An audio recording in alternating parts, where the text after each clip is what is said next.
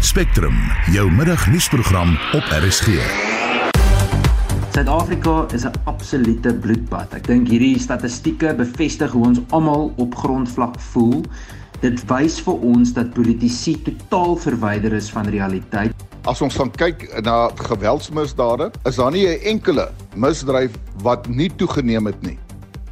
Politici en drukgroepe waarsku dat misdaad in die land buite beheer is na die bekendstelling van die misdaadsyfers en I have never lost an election as far as I can remember. Die handskoene kom af in die stryd om voorsitterskap van die ANC in Limpopo. Die span in die ateljee se redakteur Marlenae Forsie, produksieregisseur Johan Pieterse en ek is Susan Paxton.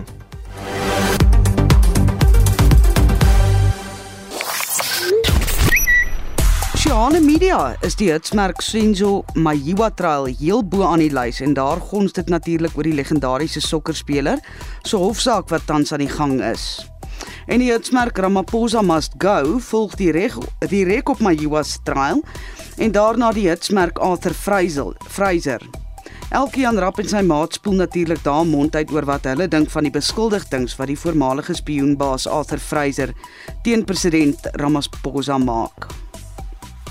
En uh, ons praat nog oor griep en verkoues. Uh, wat is jou raad daarvoor? Het jy enige spesifieke geheime dopa wat jy gebruik om gesond te bly gedurende die winter? En as jy siek word, wat doen jy om daai simptome weg te kry? Iemand wat sê my raad is om daarmee klaar te speel, bly weg van enige inspuitings daarteen. Meng rooi eie, gemmer, suurlemoen, gemmer en knoffel saam met heuning en maak 'n pasta daarvan wat jy dan elke dag sluk met 'n bietjie water. Vertel vir ons, wat is jou dopa? Hoe bly jy gesond of en as jy siek word, uh, Wat gebruik jy?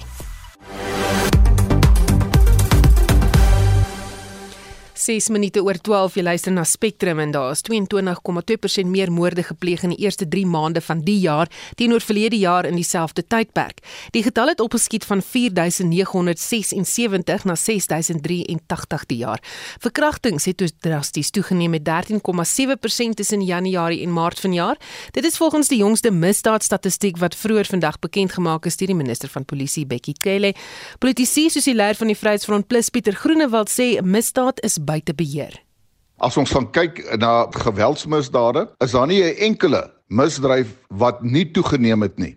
Feitelik al daardie misdade het met dubbelsyfers toegeneem. Wat verder ontstellend is as 'n mens gaan kyk byvoorbeeld na ontvoerings wat met 109,2% toegeneem het. 'n Ander ontstellende aspek is byvoorbeeld die moord op kinders 0 tot 17 jaar wat met 37,2% toegeneem het en die op vroue met 17,5%.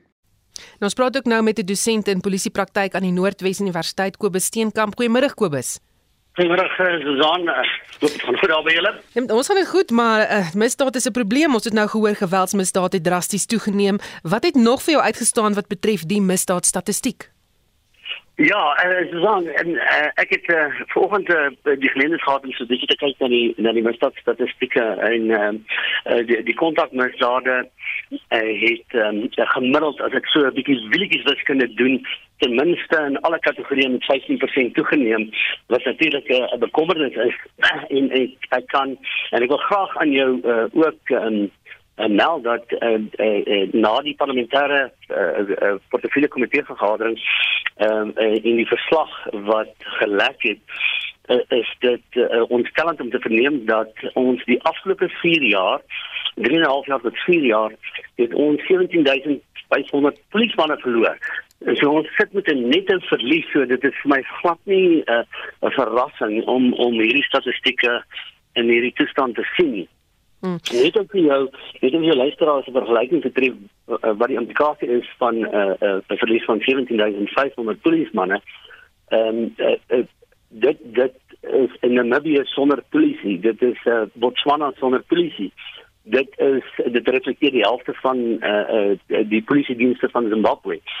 En en uh, uh, en nog verder om het, om dit 'n bietjie meer uh, uh, toepaslik te maak.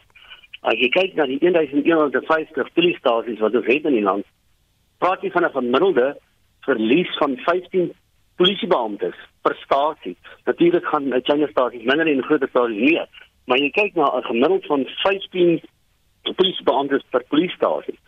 Dan is dit ook nie vir my 'n verrassing dat dat die die die klimaatstudie uh, daarop dui dat uh, 62% van die polisiebeamptes uh, voel hulle wen uh, uh, nie die gevegte in misdaad nie. Mm.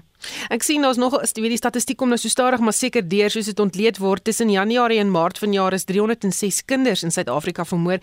Dit is eh, dis enigiemand jonger as 17 jaar. Dis 'n stygings van 37,2% vergeleke met dieselfde tydperk in 2021.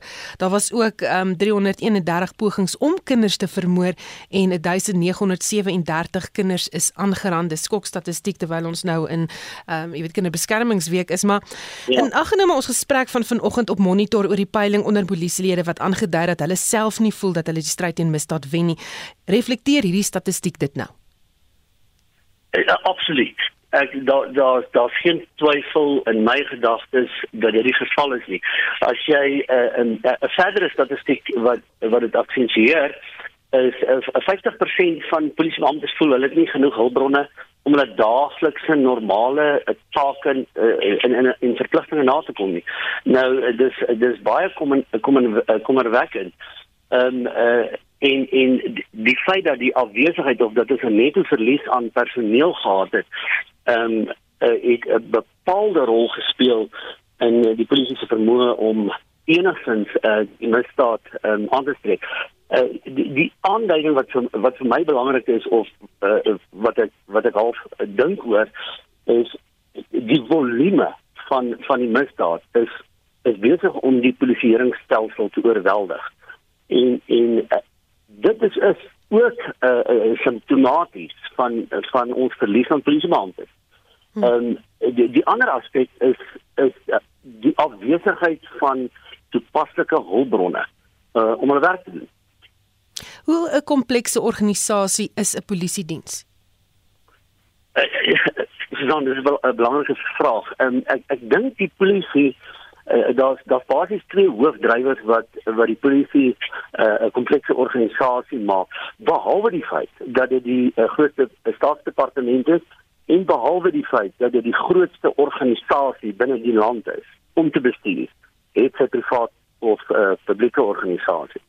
Dis 'n arbeidsintensiewe organisasie meende dat dat die interne prosesse van die polisie en hulle stelsels hoofsaaklik gerig moet wees op die ontwikkeling van hulle personeel en die instaatstelling van hulle personeel om hulle werk te doen.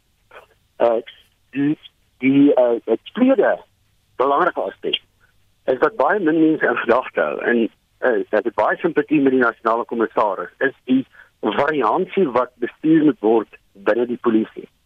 Uh, baie mense weet dat uh, nie net uh, die polisiebeampte met 'n uniform op die straat wat bestuur, wat bestuur moet word nie.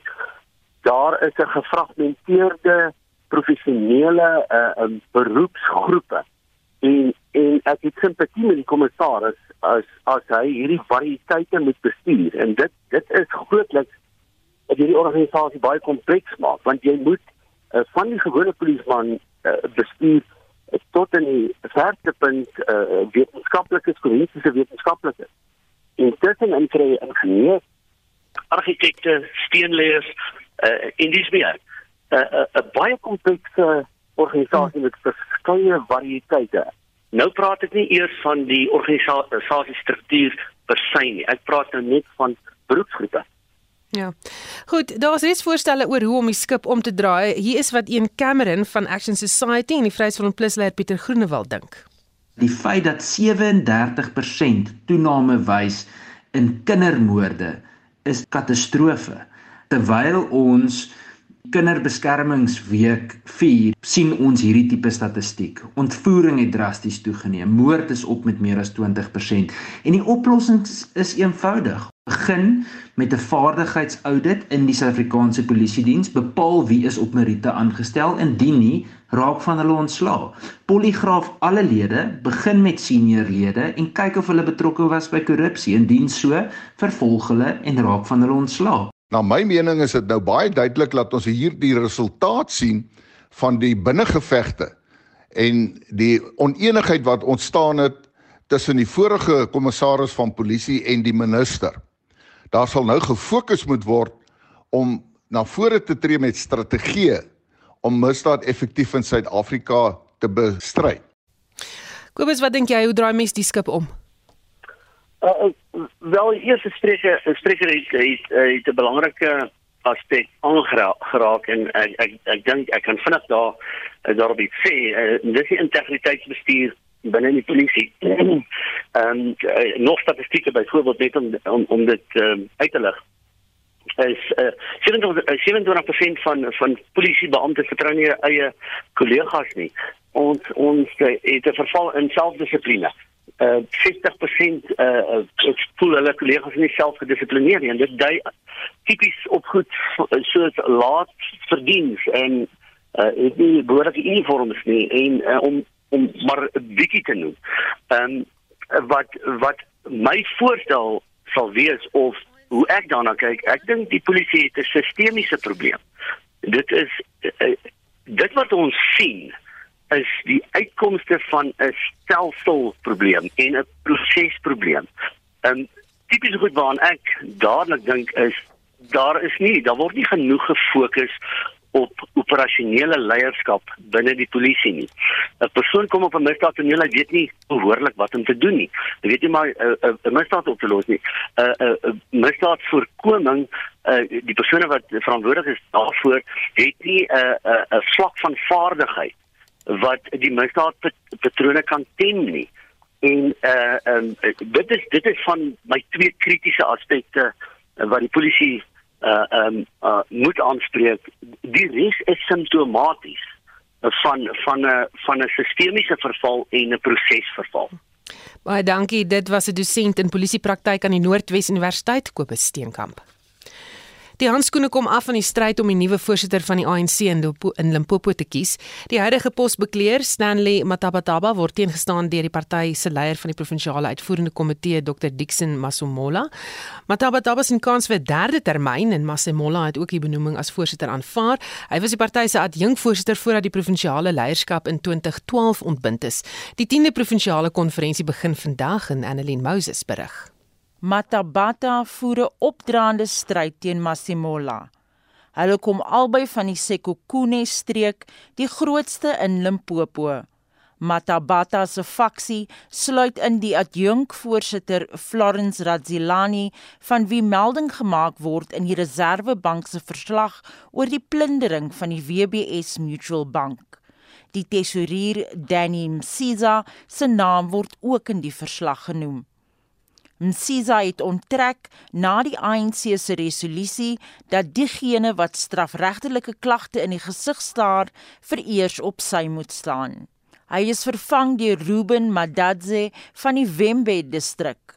Matabata is van mening dat hy genoeg ondersteuning het om sy posisie te behou. I have never lost an election as in as far as I can remember. Because I don't fight losing battles. I calculate my forces properly. I'm, I'm, a soldier myself. So before I go to a battle, I calculate my forces and uh, assess the balance of forces.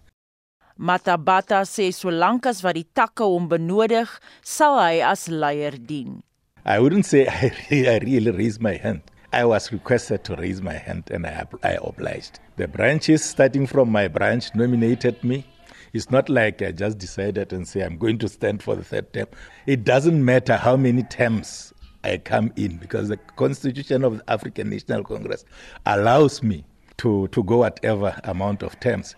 So if the branches, if the membership itself still feels that I must continue to lead them, I will. Masimola sê intussen dit sal 'n slegte president skep indien Matabata herverkies word. Masimola was die party se adjunk provinsiale voorsitter toe die PUK 10 jaar gelede ontbind is. Hy het as die LER vir onderwys gedien toe sommige departemente waaronder onderwys onder administrasie geplaas is. Hy glo ook dat hy tydens die konferensie tot leier verkies sal word. I'm very confident that by Sunday, when conference close, I will be giving closing address. Third term is a phenomenon which is not uh, appreciated in the African National Congress. It will be an accident of history if a third term is affirmed. The current chair has served his term of office and he has to hand over. The people of Limpopo deserves a shift. They deserve change. They deserve a new leadership Masemola sê sy diens onder die provinsiale uitvoerende komitee wat ontbind is, het sy leierskapsvaardighede opgeskerp.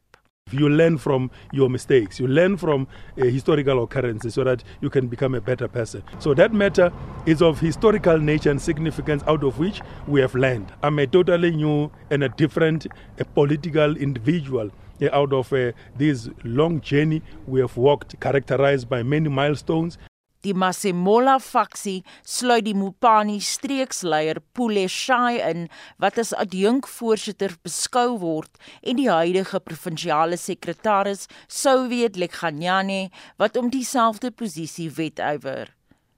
Die verslag is saamgestel deur Michael Makungu in Polokwane en ek is Annelien Moses vir SAK nuus. Ons bly by die storie en praat nou met professor Dirk Coetzee, politieke ontleder van Unisa. Goeiemôre Dirk. Goeiemiddag Susan. Hoe belangrik is die provinsie in die groter prentjie van die ANC? Dit is baie belangrik. Limpopo is een van die sterk provinsies saam met ehm um, Mpumalanga wat nie in die afgelope paar verkiesings uh, werklik baie steen verloor het nie. Ehm um, maar is natuurlik ook die provinsie waarin president Ramaphosa waarskynlik die diepste gesetel is omdat hy oorspronklik daarvandaan kom. Ehm um, so dit is definitief vir hom um, baie belangrik dat hierdie provinsie 'n 'n baie soliede basis vir hom gaan wees. Ehm uh, dis ook die provinsie waar die EFF die amptelike oppositie is. So dis saam met in die Noordwes provinsie. So dit gee aan die provinsie ook nog 'n ander dimensie. Watter faksie is hier sterker, Ramaphosa of die RET faksie? Die RET is waarskynlik nie ter sprake nie. Wat interessant is is dat beide die twee kandidaate albei vir president Ramaphosa ondersteun. So dis 'n relatief unieke situasie. Um en die die die Zuma ondersteuners of die Lamini Zuma ondersteuners is omtrent afwesig in hierdie verkiesing. En wat ons ook sien is dat daar wel twee stelle kandidate is, die sogenaamde sluits. Uh, maar dis meer om die persoonlikhede ge, ge, op die gekonsentreer as wat dit oor diep politieke verskille binne die ANC gaan in en soos nou in die vorige insetsel um, dit genoem is dit gaan oor Stanley Matabata wat nou in reeds twee termyne as ANC se provinsiale voorsitter gedien het. Um, en die vraag of hy moet voortgaan of nie want hy kan nie twee termyne as premier dien nie. So dis waar die die werklike groot punte sprake is van wie is is die toekomstige leiers van die ANC maar min of meer binne dieselfde politieke tradisie of die pol politieke groeperings binne die ANC wat pro Ramaphosa is. Dink jy dit gaan 'n moeilike konferensie wees? Daar is probleme blykbaar met die Pieter Mokaba streek. Ehm um, dis een van die vyf streke in die provinsie. Ehm um, en wat daar te sprake is is dat die die huidige provinsiale voorsitter Soviet ek gaan ja nie hy wil hy word nie deur hierdie deur hierdie streek ondersteun nie en hy wil probeer om die die streekskonferensie wat reeds verlede jaar plaasgevind het dat daardie persone wat daar verkies is se uh, se verkiesing tersyde gestel word ten gunste van mense wat hom ondersteun. Tweedens is die die Waterberg streek het het nie 'n streekskonferensie gehou nie en hulle wil dit vandag hou. So dis op omtrent die dag wat die konferensie begin. So dit kan probleme veroorsaak oor wie is die afgevaardigdes. Wat die ou probleem is as dit kom by die verskillende of dit nou 'n streekskonferensies of provinsiale of selfs die nasionale konferensie is. Die eerste dag word gewoonlik in beslag geneem deur die akkreditering van afgevaardigdes en meningsverskille wat daaroor bestaan. So waarskynlik gaan ons weer iets daarvan sien. Baie dankie. Dit was professor Dirk Coetzee, politieke ontleder van Unisa, Sondag aand in kommentaar is hy een van die gaste wat uh, gaan deelneem in gesprekke voer oor alles uh, polities en ons gaan ook weer kyk na hierdie konferensie wat in Limpopo plaasvind. Daar is omtrent elke dag 'n nuwe kinkel in die Senzo Moyiwa moordverhoor. Eers is die vermoorde sokkerster se voormalige vriendin Kelly Kumalo as 'n moontlike verdagte uitgewys. Toe dreig die verdediging met klagtes teen haar regsverteenwoordiger, Magdalene Moonsami. Om die saak vir ons eh, te ontrafel praat ons nou met ons verslaggewer by die Hooggeregshof in Pretoria, Pumzile Mlangeni. Good afternoon, Pumzile. Afternoon. Has Kumalo indicated when she will answer to the allegations made against her?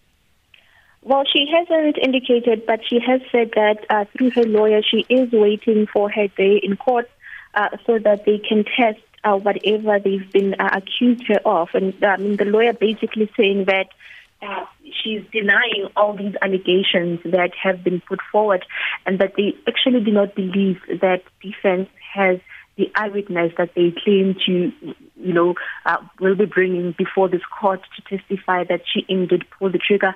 But she did uh, mention that she's quite unhappy and they will be taking action against uh, um, the defense team that has accused her of uh, those allegations. Has the defense indicated why they want to bring charges of defeating the ends of justice against Kumali's counsel? Well, they're basically saying that she's trying to intimidate their witnesses in a sense that they say she, you know, she's been part of these court proceedings as a on a watching brief, and we know that she was removed from the watching brief. But basically, what they're saying is that her statement that they are waiting for that witness, they want to see that witness must come so that they can prove the witness wrong, amounts to intimidation, and they are basically unhappy with that, and they want to report her to the legal practice council and for the fact that again that she went on to speak about being kicked out and her being unhappy about the judge's decision you know on media and they say that amounts to a, a mispractice and then he should that she shouldn't be doing that and that's why they want to approach uh, the council how long has the first state witness sergeant Tabo Musia been under cross examination well, he's been under cross-examination, I think, before the, the, the court adjourned for the long break, and now it's almost two weeks that he's been on the stand. Uh, Advocate Benzile Msholo is continuing to cross-examine him. It doesn't seem like we might finish today with the cross-examination, uh, but again, uh, we don't know whether uh, you know, how long it will take for him as there will have to be re-examination from the state as well. So at this stage, it's not indicated as to, you know, how many days uh, he will be on that witness box. Mm, I wanted to ask you any idea as to who would be the next witness called to testify. In terms of that, uh, you know, when the state uh, started their case, they did mention that uh, they will uh, start by bringing a lot of police officials. So at this stage, uh, uh, the stage, Musia is the first, but we know that uh, there is a ballistic expert, there is a DNA expert. I think there were two ballistic experts that they mentioned that will be coming to give evidence. Uh, we know there's, you know, investigating officers and a lot of police officers who were, uh, um, who played a role. You know, the list is said to be about 100 witnesses, but not all of them will come. So it remains to be seen which witness will be next, but we understand that they will be uh, from the South African Police Service. Baie dankie. Dit was ons verslaggewer by die Hof Pumzile Mlankeni. Op dag 100 van die Russiese inval van Oekraïne het president Volodymyr Zelensky bevestig dat Rusland nou 'n vyfde van Oekraïense grond beset. Vir sy mening hieroor praat ons nou met professor Antoni van Nieuwkerk aan die Nisa se Tabo Mbeki Afrika Skool vir Internasionale Betrekkinge. Goeiemôre Antoni. Dankie, goeiemiddag. Uh, Ewige gevegte woed op die oomblik tussen Russiese en Oekraïense magte in die stad. Ehm um, wat sal gebeur as Rusland beheer uh, daar in die Luhansk-streek uh, kry? Ja, ehm um, uh, ek dink dit lyk vir vir almal wat hierdie ehm um, onsmaaklike oorlog dophou dat die Russiese strategie is om die ehm um, ooste van die land oor te neem. Uh Kiev is in die weste van die land uh en in die ooste van van die land wat aan Rusland grens. Uh is die Krim skiereiland nou reeds deur die Russe oorgeneem. Ehm um, en dan is daar strategies belangrike uh, dorpe en naby stede, jy weet soos Mariupol wat uh, wat die Russe oorgeneem het, uh, maar ook Odessa wat hulle nie oorgeneem het nie. En strategies beteken dit as hulle hierdie strook as jy as ware ehm um, kan kan uh, beset uh, en beheer oorneem dan het hulle 'n soort van 'n pad, 'n brug na die Swart See toe wat vir hulle in die toekoms belangrik kan wees uh, afhangende van hoe Rusland se verhoudinge met Europa en die res van die wêreld gaan uitspeel. So die oor die die die die die die slag wat ons sien rondom belangrike stede uh op die oomblik is baie belangrik en ek moet vir jou sê dat ek dink die Oekraïense spreek ek dit reg uit die Oekraïense weermag is op die agtervoet. Ja. Hulle Die hmm. Oekraïense weermag is by agtervoet. Hulle verloor almal verloor in die stryd natuurlik. Uh en die Russe dalk meer as as enigiemand anderster, maar die Oekraïners kan nie eintlik bekostig, jy weet, om baie uh uh mense te verloor nie want want hulle kan dit nie vervang soos wat die Russe dit kan doen nie. En hulle het nog nie hulle nuwe wapens ontvang nie. Dis 'n ander uh, dimensie van die van die verhaal wat wat nog gaan uitspeel meer 'n uh, dodeliker en gevaarliker en lang afstand ehm um, 'n uh, wapentuig deur die weste Amerikaners en die Duitsers en anders kan die geveg kan die gevegte verder verintensifiseer so dit kan nog erger word na 100 dae. Hoekom daai wapens in Oekraïne in? Ja, dis dis 'n ja, ehm um, so so uh, Zelensky sê vir vir die Europeërs en vir NAVO, hy praat omtrent elke dag met hulle in sy olyfgroen team en sê vir hulle gee vir ons meer wapens as julle nie self wil oorlog maak saam met ons nie gee vir ons die regte wapentuig. Maar die Russe die Russe het hulle les geleer. Hulle gebruik meer gesofistikeerde langafstand wapentuig. Uh en die Amerikaners, jy weet, stuur howitzers en ander kanonne in uh wat missiele en ander uh, goederes kan aflewer oor 'n afstand. So jy jy beveilig jou eie mense. Ehm um, en jy neem die uh, die vyand uit oor die heuwel as dit ware of oor die horison. Maar in die proses jy het vernietig jy verskriklik baie. Die toevoerpaaie om hierdie uh, produkte af te lewer deur deur Pole byvoorbeeld of hier in die suide van van ehm um, uh, van Oekraïne, uh, Rom, Roemenië en Moldova dit lyk vir my is baie moeilik en aan die ander kant lê Turkye wat eintlik 'n NAVO-land is wat 'n wat 'n snaakse rol speel en dit kan ook deel word van die afleweringssoort van ehm um, uh strategie om om wapentuig in te stuur. Maar die punt wat die Oekraïne die punt wat die meeste ehm um, militêre kenners maak is dat daar 'n gaping tussen die die die politieke aanbod om meer wapens te verskaf. En dit hoor jy by Jon Steltenberg en by NAVO en by Biden en ander wat sê ons is ons gee om vir julle. En dan is daar weke wat verloop vir die wapentuig om afgelewer te word en vir die Oekraïense soldate om opgelei te word om dit te gebruik. En die Russe weet dit en hulle wag vir daai. En daar's 'n nuwe dimensie jy weet drone warfare uh hoe so mense onbemande, jy weet, uh oorlogvoering met hierdie tuig tuie mm -hmm. en die Russe weet baie goed dat hulle dit ook uh sal gebruik. En hulle doen dit inderdaad. So daar in hierdie 100 dae waarvan jy nou praat, het daar 'n paar lesse na vore gekom en die een les is dat ehm um, weermagte aan alle kante het die vermoë om aan te pas. Baie dankie. Dit was Antoni van Nieuwkerk van Unisa se Tabo Mbeki Afrika Skool vir Internasionale Betrekkinge luister na Spectrum op RSG. Drukgroepe en politici eis daadwerklike optrede na die bekendstelling van die misdaadsyfers. As daar misdaadleiers of bende basse is, het sy hulle deel van die staat of nie, teiken hulle verwyder hulle uit operasie. En 'n mens kan dan die publiek ook nie kwaliek neem as hulle sê dat hulle het nie meer vertroue in die polisie nie Kort hierna bring ons jou op hoogte van waar wateronderbrekings in Gauteng verwag kan word en na 70 jaar op die troon is die Britse koningin se Himmersin op ons radar. Bly ingeskakel.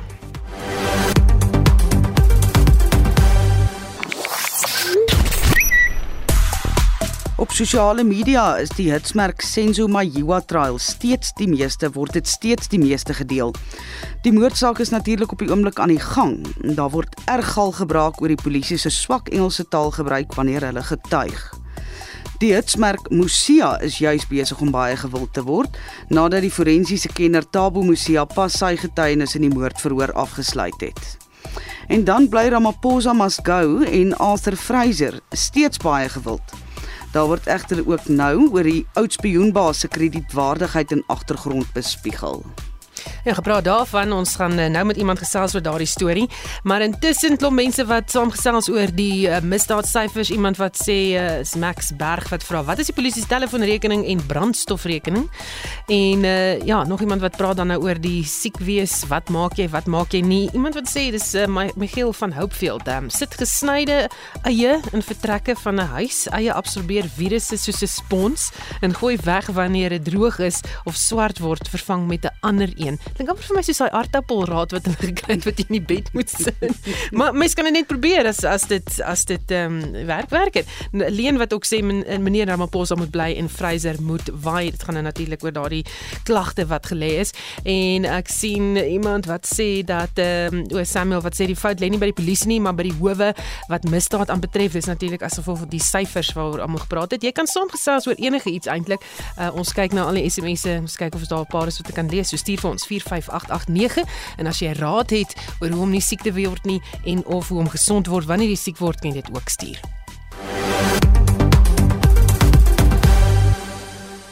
12:36 en ons keer terug na die politiek. President Cyril Ramaphosa hou vol dat die aanklagte teen hom deur die voormalige spionasiehoof Arthur Fraser vals is. Fraser het vroeër die week 'n klag by die polisie gelê waarin hy die president van ontvoering en omkopery beskuldig. Hy sê ook hy het bewyse hiervan. Dit hou verband met 'n diefstal poging op Ramaphosa se plaas in Limpopo in 2020.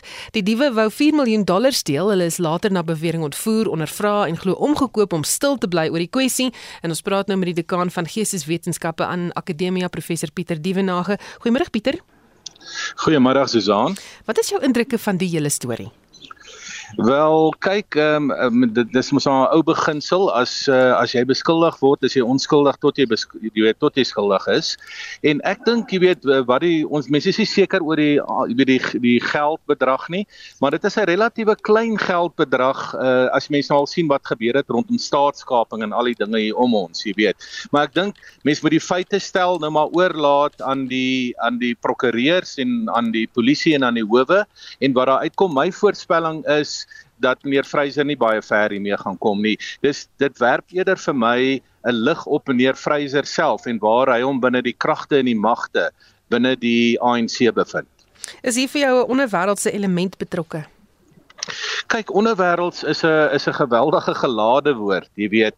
Uh meneer Freyser ehm um, kom uit die intelligensiewêreld. So dit beteken dat hy, weet hy's vanaf 1995 in hierdie wêreld en hy het uiteindelik 'n sleutelrol gespeel uh teen die jy weet in daai hofsaak wat teen president Zuma was in 2008-9 sodat president Zuma kon uh president word en hy was 'n sleutelfiguur onder oud president Zuma uh gedurende sy bewind. Jy weet as die hoof van sy intelligensie nou Ehm um, of dit 'n onderwêreld is uh of nie, dit is 'n oop vraag. Kyk, die intelligensiedienste reg oor die wêreld werk in die geheim. Hulle werk in die skade wees, maar dan kry mens professionele intelligensiedienste en minder professionele intelligensiedienste. En vir in my boek is 'n uh, professionele intelligensiediens daardie diens wat eintlik nie partypolities betrokke raak binne 'n land nie. En ongelukkig het meneer Freyser se rekord die uh jy weet die getuienis dat ehm um, die intelligensiediens wat hy gelei het ehm um, het baie sterk partytetiese lyne gehad in terme van hoe hulle geopereer het. Wat van die tydsberekening van die klagtes? Baie interessant, nê. Nee. Kyk, die eerste is net uh die eerste figure wat aangekla is uh, deur die Zondo kommissie het nou voor die howe begin verskyn. Tweedens dui alles daarop dat die Zondo-kommissie gaan sy laaste verslag op 15 Junie binnekort, jy weet, uitreik en dat die intelligensiediens daar ter sprake is. En dan laastens moet ons onthou dis nou verkiesingsseisoen. Jy weet in die ANC en alles lê op na die verkiesing van die president van die ANC in Desember. So mense wonder of die tydsberekening van meneer Freyser nie met hierdie sake ook te doen het nie. Baie dankie. Dit was die dekaan van Geesteswetenskappe aan Akademia, professor Pieter Dievenage. Randwater gaan die naweek 'n groter watertoevoerpyp installeer by sy vereniging watersuiweringsaanleg en 'n bietjie later in die program gaan ons uh, vir jou daardie besonderhede bring en hoekom jy dalk vandag al wateronderbrekings ervaar het. Die COVID-19 pandemie verlede jaar, ehm um, se onderus in Julie en die pad na herstel na die onlangse oorstromings in KwaZulu-Natal kan tot depressie, hoë angsvlakke en selfs selfmoordgedagtes lei. Volgens die bewusmakingsorganisasie oor geestesgesondheid Interconnect Foundation, het die ekonomiese druk saakondernemings wat vou en die samelewing as geheel talle met min of geen hoop gelaat nie. Maar Lies Skeepers het meer besonderhede. Die 39-jarige Lindiwe Mapumula van Inanda Noord van Durban is 'n enkel ma met twee dogters. Hulle moes noodgedwonge in 'n gemeenskapsaal skuilings vind. Sonder regeringshulp het sy na die plek waar haar huis was teruggekeer en 'n dak opgerig vir die eerste kamer wat staande was. Sy het moed verloor. Dit voel, sê sy, asof sy geen rigting het nie en sy slaap die dae om. In nog 'n geval is 'n bejaarde man die enigste broodwinner vir sy kinders en kleinkinders. Hy het nie geld om die huis waarin hulle almal gebly het te herbou nie. Hy sê hy weet nie of hy kan sien om oor te begin nie. Die nasionale programbestuurder van die Inner Connect Foundation, Kulani Chilisa, sê hulle is veral bekommerd oor die hoë angs en depressie vlakke van slagoffers wat direk geraak is. The level of a disaster right now and the level of depression that the people are going through right now. It has a possibility for people to, to have a thought to say, because I don't see a way out of this situation right now, I, I strongly feel that the only way for me to survive this is just to end my life right now. We would be naive to think that people are okay. People who are in power, you cannot rest until you have you are seeing change in the society. Die provinsiale departement van maatskaplike ontwikkeling het intussen gesê hulle bied hulp aan slagoffers van die oorstromings, veral aan diegene wat in gemeenskapsale en plaaslike kerke skuilings vind. Die verslag is saamgestel deur Nonjabula Matunga Makamu en ek is Marlie Skeepers vir SAK nuus. Daar's beslag gelê op die bates van die kantore van die Departement van Maatskaplike Ontwikkeling in Wolmaranstad in Noordwes, dit nadat die departement na bewering nie 'n salarisooreenkoms eerbiedig het nie. Voertuie, rekenaars en meubels het in die slag gebly en die werknemers kan nie met hulle werk voortgaan nie. Vir meer praat ons nou met die DA raadslid vir Makwasi Hills munisipaliteit wat Wolmaranstad insluit, Don van Sail. Goeiemôre Don. Goeiemôre uh, Susan, hoe gaan dit? Goeiemôre van die RSG luisteraars. Dit gaan goed met my, maar hierdie is 'n baie ernstige kwessie. Kan jy meer lig op die saak werp oor hoekom daar op die bates 'n uh, beslag gelê is? Uh Susan, ja, in 2017-18 is daar prestasie belonings uh aan sewe amptenare toegeken of waar hulle gekwalifiseer het daarvoor en dit is nooit gedoen nie. Uh, die die bedrag die bedrag is 294000 wat aan hulle oorbetaal moet word 'n eenmalige bedrag. Hoe raak die batebeslaglegging personeel se vermoë om hulle werk te kan doen? Daar's 71 amptenare Susan en op die stadium van gister af na die uh, meubels en die voertuie gekonfiskeer is deur die plaaslike biljoen word geen dienste gelewer nie. Nagenoeg 4300 gesinne word geraak uh, maandeliks deur die dienste. En van die dienste wat wat wat die departement onder andere doen is kindersorg en beskerming, uh dienste aan gestremdes en ouer persone. So dis ba uh, baie ernstige probleem. Ja, ja. So die kantore alhoewel dit oop is, is daar geen meubels of daar's beslag gelê op 14 rekenaars. So geen programme kan geaktiveer word en uh ja, die mense word nie gehelp nie. Dan gaan julle iets doen om die saak te beredder. Dit is deur die provinsiale MPL Gavin Edwards aan die provinsie uh gerapporteer reeds al vroeër die maand maar ek kon hom nie opspoor vir uh, opvolg wat die die LER gaan doen daaromtrent nie. Baie dankie. Dit was die DA raadslid van die Makwasi Hills munisipaliteit wat Wolmaranstad in Noordwes insluit Don van Sail.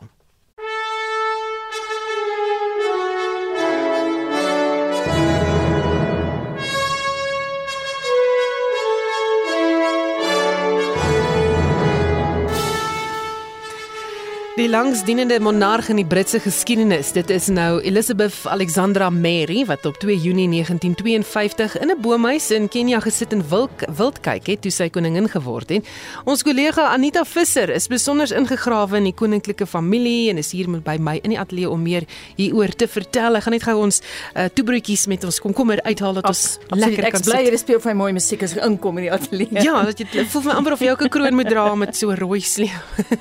Om by uh, Elisabeth uit te kom. Uh, haar pa is half 7 die oggend doodgevind by Sandringham. Dis nou een van hulle private huise en sy het eers kwart voor 3 daai middag gehoor want uh, hulle was in Kenia en sy en haar man was inderdaad in 'n verwerkte boom, hy Street Tops Lodge.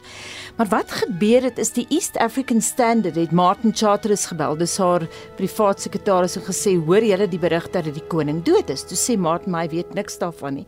Hy sal uitvind want hy sê toe uh, die die redakteur sê ons kry dit op die teleprinter berigte. Dit was al daai jare gewees. Nie selfone nie. Nie selfone nie en toe vind hy uit dit is waar en toe gaan sien hy Philip en Philip het toe met haar in die tuin gaan loop en vir haar vertel wat gebeur het en daar is sy toe koning. Hm. Nou, hoeveel mag het sy? Susan is 'n baie goeie baie goeie vraag. Ons tegnies het sy nie baie politieke mag nie, maar sy het ontsettend baie invloed. Sy het saam met 14 Britse premiers gewerk. Sy het 14 Amerikaanse presidente ontmoet. Sy het net nie Johnson ontmoet nie, Lyndon B Johnson. Sy is staatshoof van 15 lande, hoof van die Statebond van 54 lande en sy het al 110 lande besoek op al ses kontinente. Die groot woord, die gonswoord, die belangrike ding, die konsep hier is sy het ontsettend baie invloed. Nou in die 19de eeu het die Britse joernalis wat 'n ding geskryf het oor hoe hy sou wou hê 'n Britse konstitusie moet lyk, het hy gepraat van the monarch should be consulted, the monarch should encourage and the monarch should warn. Nou Dinsdae aande 6uur, dan sien die koning haar premier en dan praat hulle oor die politiek van die week. Elke dag kry sy ook 'n red box waar sy nou klomp dokumente het wat sy moet teken. Maar sy self het al gesê oor daai 6 uur gesprekke en ek haal haar nou aan. Ek hou van hierdie aanhaling. They know I can be impartial. Onthou sy is bo alle politiek and it's rather nice to be a sponge. Met ander woorde hulle kan mm. vir sê wie man die druk van openbare lewe is baie moeilik en erg se bly stil want sy verstaan dit self en hulle kan afpak en sy's klasloos want interessant een van die premiers met wie sy die beste oor die weg gekom het was Harold Wilson en hy was 'n arbeider. Toon sy ooit emosie? Ek's baie bly jy vra daai want uh, sy het al gewip op 'n staatsbesoek na Marokko 1980 en prinses Margaret het dan nogal gewaarsku going to Morocco is like being kidnapped you never know whether you're going to go where you're going and when that's going to be. Nou koning Hassan wat verskeie sluipmoordaanvalle oorleef het was vreeslik senuweeagtig en sy moes op 'n rit byvoorbeeld van Marrakesh na die Atlas gebergtes toe moes sy 7 keer van motor verander. Nou jy weet dit gebeur nie sommer met 'n monarg nie.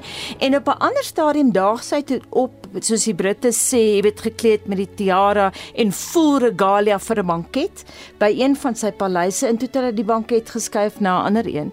So weet jy die einde van die toer was sy um, ek gaan nou nie die gee woord gebruik nie, maar die volk weet wat ek sê, die laaste strooi was ure se gesit in 'n warm woestyn sit Elisabeth en sy wag vir koning Hassan. En die sit toe in 'n ligverkoelde karavaan terwyl hy eers sy lewe bedink voordat hy uitgaan om haar te sien en toe het sy gewip. Sy het haar voete getap, gevroetel met die handsak en die fotos van daai toer. Kon jy aan haar gesig sien sy is glad nie gelukkig nie. En dan was daar 'n ander keer uh, die Italiaanse premier, jy sal hom onthou, um Silvio Berlusconi. Hy was in 2009 was hy een van die G20 leiers in Buckingham Paleis vir um net vir 'n fotokol soos wat hulle sê en sekerlik tee daarna, maar hy het vreeslik luidkeels geskree vir Obama. Toe sê sy, "Why does he have to shout so?" Maar ek wil uitkom laasens by haar sin vir humor want die is uitstekend. Sy is op Balmoral met haar leiwag Richard Griffin en hulle gaan stap. Nou Balmoral is verskriklik groot en daar kry hulle verdwaalde Amerikaanse toeriste op hierdie reusagtige landgoed en hulle vra toe vir have you got a house nearby? And say well well yes actually I do. And to say oh and have you met the queen? To say say no no no but Richard has. Vra vir hoe sy is. En uh, tydens 'n besoek aan Kings Lynn in East Anglia nou dit bring ons waar ons begin het Susan by Sandringham waar pa dood is dis hulle privaat eiendom en sy gaan toe Kingsland toe die stad daar naby en die burgemeester is toe daar om haar te ontvang. En hy vat haar op 'n toer in die stadsaal en wys haar dit hy wys haar dit. En hier is hierdie fantastiese burgemeestersketting. En sy sê, "Oh, this is absolutely gorgeous." Sy sê, "Ja, dit is nou eintlik die meer formele een." Sê, um, "But why aren't you wearing it?" Toe sê, "Oh, no, no, no, no. We only wear that on special occasions for very important people." Oh, die koningin is natuurlik nie. Die koningin is toe natuurlik nie. baie dankie Anita, ek weet jy is besig om voor te berei vir Naweek Aktueel. Ek sien baie uit daarna. Ek neem aan nou gaan oor koningin praat daarin. Daar gaan definitief daar gaan definitief 'n stukkie oor haar wees en oor China. Ons het iets van alles en die taaldebat in die Parel. Baie dankie. Is Anita Visser en die musiek wat jy gehoor het is spesifiek vir die koningin gekomponeer deur die komponis Debbie Wiseman.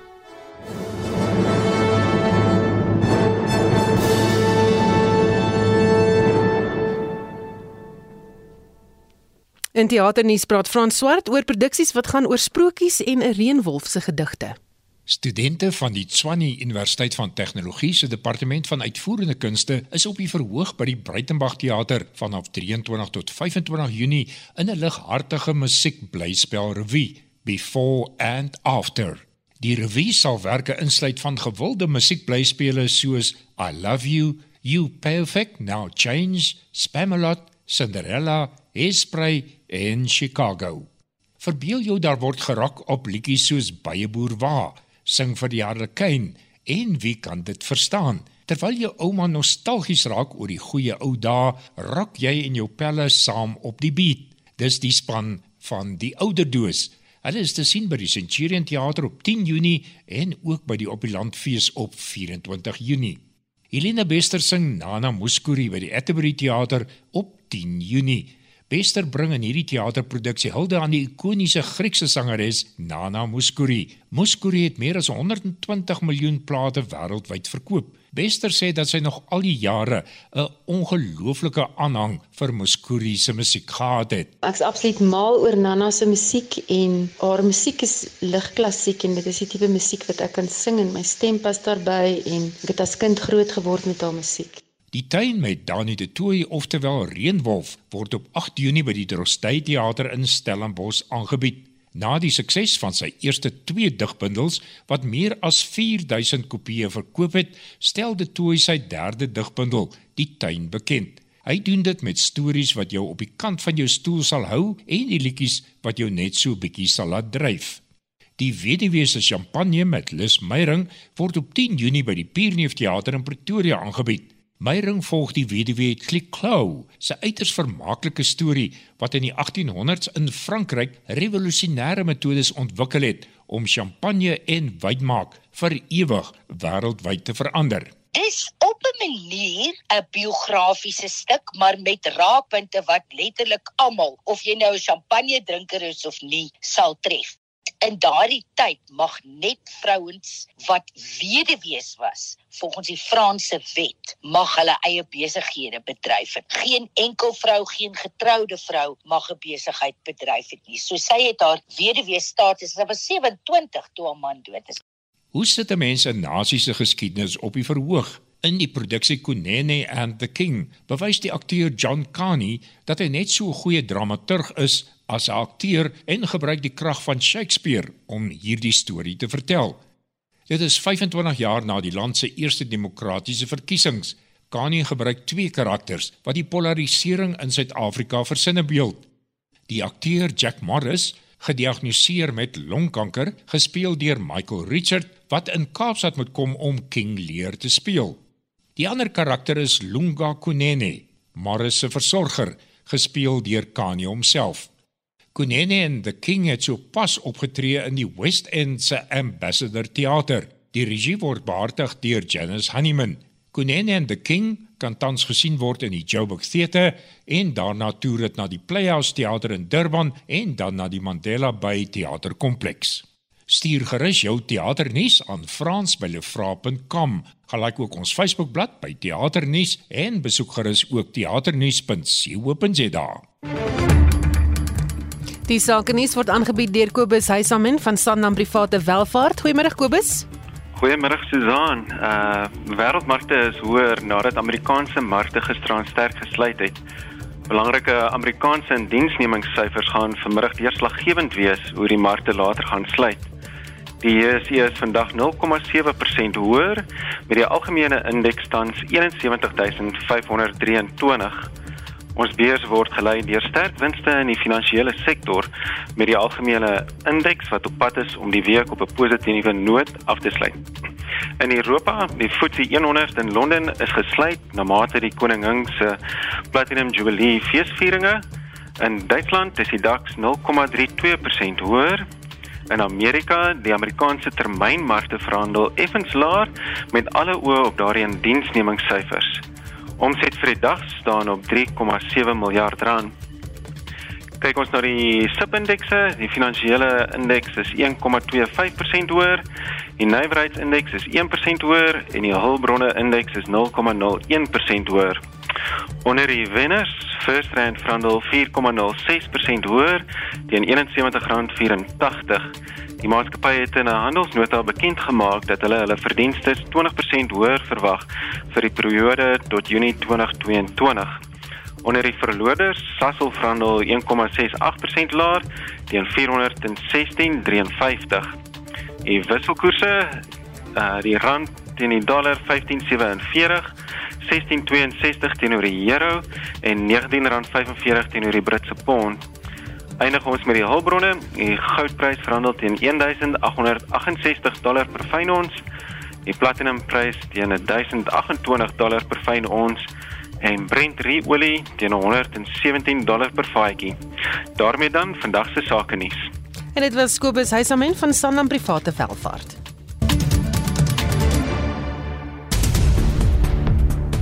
Die minister van Polisie, Bekkie Cele, het vroeër die jongste misdaadstatistiek bekend gemaak en het toon dat moorde en verkrachtings skerp toegeneem het. Annelien Moses hou 'n oog op die en ander ontwikkelende nuusgebeure. In ander hoofnuus daar se titaniese twee stryd tussen die huidige voorsitter van die ANC in Limpopo, Stanley Matabata en sy teenstander, Dr Dixon Masemola. Die 10de verkiesingskonferensie begin vandag. Matabata sê as sy leierskap benodig word, sien hy kans vir 'n derde termyn. I have never lost an election as far as I can remember. Because I don't fight losing battles. I calculate my forces properly. I'm, I'm, a soldier myself. So before I go to a battle, I calculate my forces and uh, assess the balance of forces. Nisa, 'n ander deel van die wêreld is die Russiese inval van Oekraïne wat vandag sy 100ste dag bereik. Professor Antoni van Nieuwkerk van Unisa se Thabo Mbeki Afrika Skool vir Internasionale Betrekkinge het die volgende oor die oorlog gesê almal verloor in die stryd natuurlik en die Russe dalk meer as enigiemand anderster, maar die Oekraïners kan nie eintlik bekostig, jy weet, om baie mense te verloor nie, want hulle kan dit nie vervang soos wat die Russe dit kan doen nie. En hulle het nog nie hulle nuwe wapens ontvang nie. Dis 'n ander uh, dimensie van die verhaal wat wat nog gaan uitspeel. Meer uh, dodeliker en gevaarliker en lang afstand wapentuig deur die weste, Amerikaners en die Duitsers en anders kan die gevegte verder verintensifiseer. So dit kan nog erger word na 100 dae. Dit was professor Antoni van Nieuwkerk van die Nisa Setabo Mbeki Afrika Skool vir Internasionale Betrekkinge en Annelien Moses het vir ons 'n blik gegee op die ontwikkelende nuusstories van die dag. Soos ek vroeër genoem het, Randwater gaan die naweek 'n groter watertoevoerpyp installeer by sy vereniging watersuiweringsaanleg. Dit sal nou vandag en môre geskied en dan verskeie gebruikers sal met tye dan nie water hê nie. Die munisipaliteite wat geraak word is Johannesburg Metro, Merafong, Mogale City, Rustenburg en Rand West plaaslike munisipaliteite. En uh, die bestuurshoof by die Suikerbos watersuiweringsaanleg Eddie Singo het vroeër vir ons gesê dat Randwater verwag om binne die volgende paar jaar baie meer mense van water te moet voorsien en daarom vervang hulle die pyp. Dit is deel van 'n groter projek wat uh, oor 'n paar jaar duur en 2024 dan ten einde sal loop. Ons het namens soos uitvoerende regisseur Nicoline de Wee, redakteur Marlene Forsie en ons produksieregisseur Johan Pieterse. Onthou brandpunt vanmiddag kwart voor 6. Jy kan nie daai program mis, misloop nie. Is baie baie goed. Al moet ek dit self sê. en uh, my naam is Susan Paxton. Geniet jou naweek.